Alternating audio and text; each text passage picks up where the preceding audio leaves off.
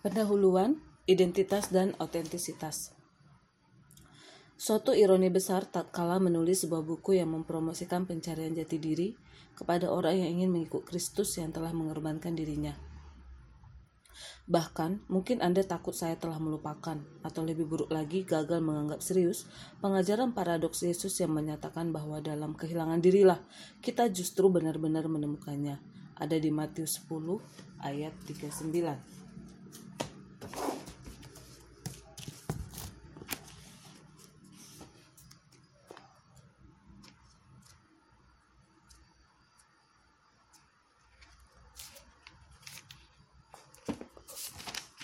Matius 10 ayat 39 Barang siapa mempertahankan nyawanya, ia akan kehilangan nyawanya. Dan barang siapa kehilangan nyawanya karena aku, ia akan memperolehnya. Saat Anda membaca buku ini, saya pikir Anda akan melihat bahwa saya tidak melakukan satupun dari keduanya. Sementara berbagai konsep tentang pencarian diri, identitas, dan otentisitas dengan mudah disingkirkan sebagai omong kosong psikologi belaka, ternyata masing-masing memiliki peran penting dalam perjalanan transformasi spiritualitas Kristen. Bahkan dalam kutipan ayat di Matius yang baru saja kita rujuk, Yesus berbicara tentang pencarian jati diri sebagai pengorbanan diri. Tapi tak perlu dipertanyakan lagi bahwa perjalanan menemukan diri kita sejati yang otentik di dalam Kristus dan mengakarkan identitas kita dalam realitas ini secara dramatis berbeda dengan agenda pengembangan diri seperti yang dipromosikan oleh psikologi populer. Kekonyolan pendekatan psikologi populer terhadap konsep diri dicontohkan dalam sebuah kartun yang baru-baru ini saya tonton memperkenalkan diri sebagai orang asing di sebuah pesta, seorang, seorang perempuan berkata, saya tidak kenal siapa pun di sini kecuali sang nyonya rumah, dan tentu saja dalam konteks yang lebih dalam itu adalah diri saya sendiri. Berarti dia adalah si nyonya rumah. Cukup jelas ada begitu banyak orang non-Kristen dengan beragam cara yang menggelikan dalam mengejar pencarian jati diri serta otentisitas. Tetap saja, spiritualitas Kristen lebih terkait dengan diri, bukan hanya dengan Allah. Tujuan dari perjalanan rohani adalah transformasi diri. Seperti yang akan kita lihat, hal ini mensyaratkan pengenalan diri dan pengenalan akan Allah. Keduanya diperlukan jika kita hendak menemukan identitas sejati sebagai orang-orang yang ada di dalam Kristus seperti yang dikatakan oleh 2 Korintus 5 ayat 17. Karena diri adalah tempat di mana kita berjumpa dengan Allah. Keduanya juga diperlukan jika kita hendak menghidupi keunikan dari panggilan hidup Allah. Dari seluruh ciptaan, identitas adalah tantangan yang diperuntukkan hanya bagi manusia. Sekuntum bunga tulip tahu pasti keberadaan dirinya yang sebenarnya. Tulip tidak pernah tergoda oleh berbagai cara palsu untuk menjadi sesuatu yang berbeda sebagai ciptaan. Tulip juga tidak pernah menghadapi keputusan rumit dalam proses untuk menjadi dirinya. Demikian juga dengan anjing, batu, pohon, bintang, amuba, elektron, dan semua benda lain. Segala sesuatu memberi kemuliaan bagi Allah dengan menjadi sebagaimana mereka adanya. Karena dalam menjadi sebagaimana yang Allah maksudkan bagi mereka, mereka menaatinya. Namun, makhluk manusia berhadapan dengan eksistensi yang lebih menantang. Kita berpikir, kita mempertimbangkan beragam pilihan, kita memutuskan, kita bertindak, kita meragukan. Menjadi sebagaimana adanya diri kita secara sederhana sangatlah sulit dilakukan dan menjadi apa adanya secara otentik sepenuhnya sangatlah langka ditemukan. Tubuh dan roh memiliki ribuan kemungkinan di mana Anda dapat membangun banyak identitas. Tapi hanya ada satu dari ribuan kemungkinan ini akan Anda akan menemukan diri sejati yang telah tersembunyi di dalam Kristus sejak kekekalan. Hanya salah satu dari ribuan kemungkinan ini Anda akan menemukan panggilan khusus dan pemenuhan terdalam Anda.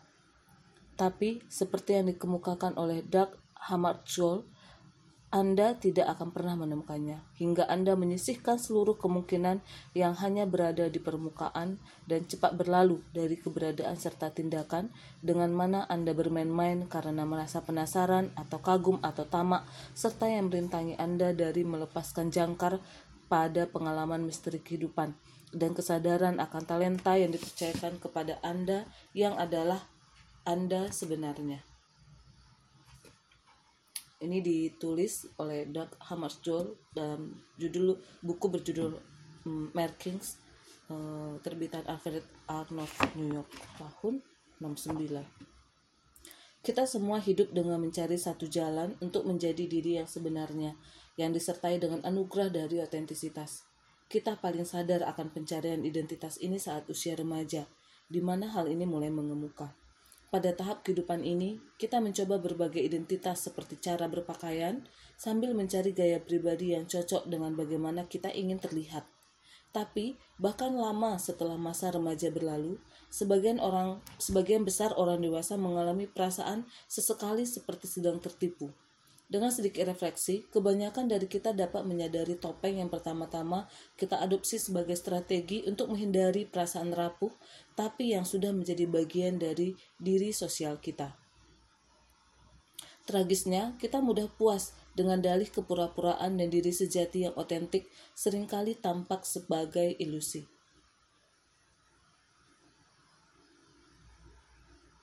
Meski demikian, ada cara untuk menjadi diri yang apa adanya bagi setiap kita yang sealamiah dan serupa dengan kehidupan sekuntum bunga tulip.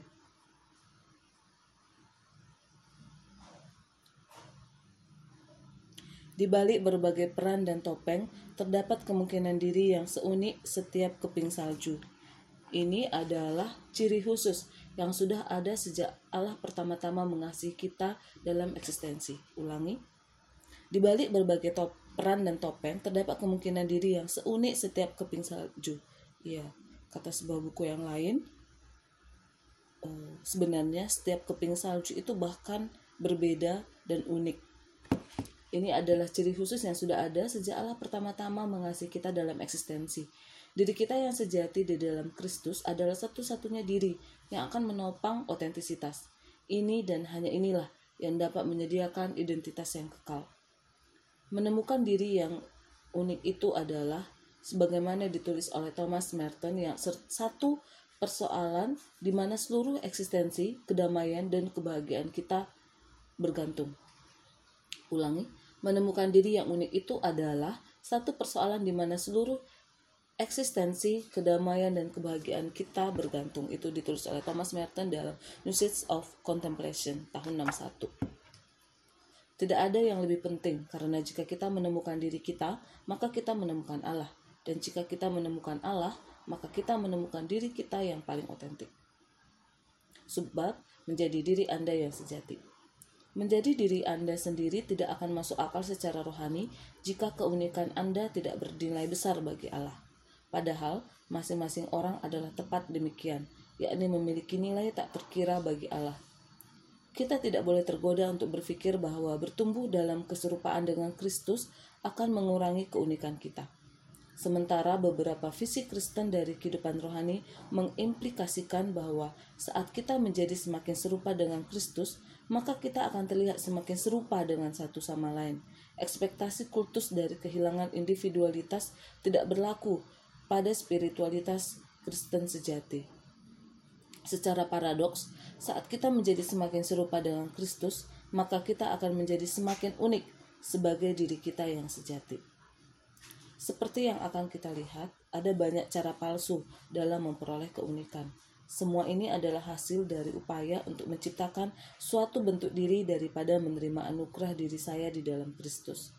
Tapi, keunikan yang berasal dari menjadi diri kita yang sejati bukanlah keunikan buatan kita sendiri. Identitas tidak hanya sekedar sebentuk ciptaan. Identitas selalu adalah hasil pencarian. Identitas sejati selalu adalah anugerah dari Allah. Hasrat dari keunikan adalah hasrat yang rohani demikian juga hasrat untuk otentik. Ini bukan sekadar kerinduan psikologis yang tidak relevan dengan perjalanan rohani. Keduanya adalah tanggapan roh terhadap roh. Roh kecil yang menanggapi roh besar, yakni roh kudus memanggil kita pulang ke tempat dan identitas kita di dalam Allah. Menjadi diri Anda yang paling unik adalah sesuatu yang dihasratkan oleh Allah, karena diri Anda yang sejati berakar di dalam Kristus. Allah menciptakan Anda dalam keunikan dan berupaya memulihkan Anda pada keunikan itu di dalam Kristus. Menemukan dan menghidupi diri Anda yang sejati berarti memenuhi takdir Anda.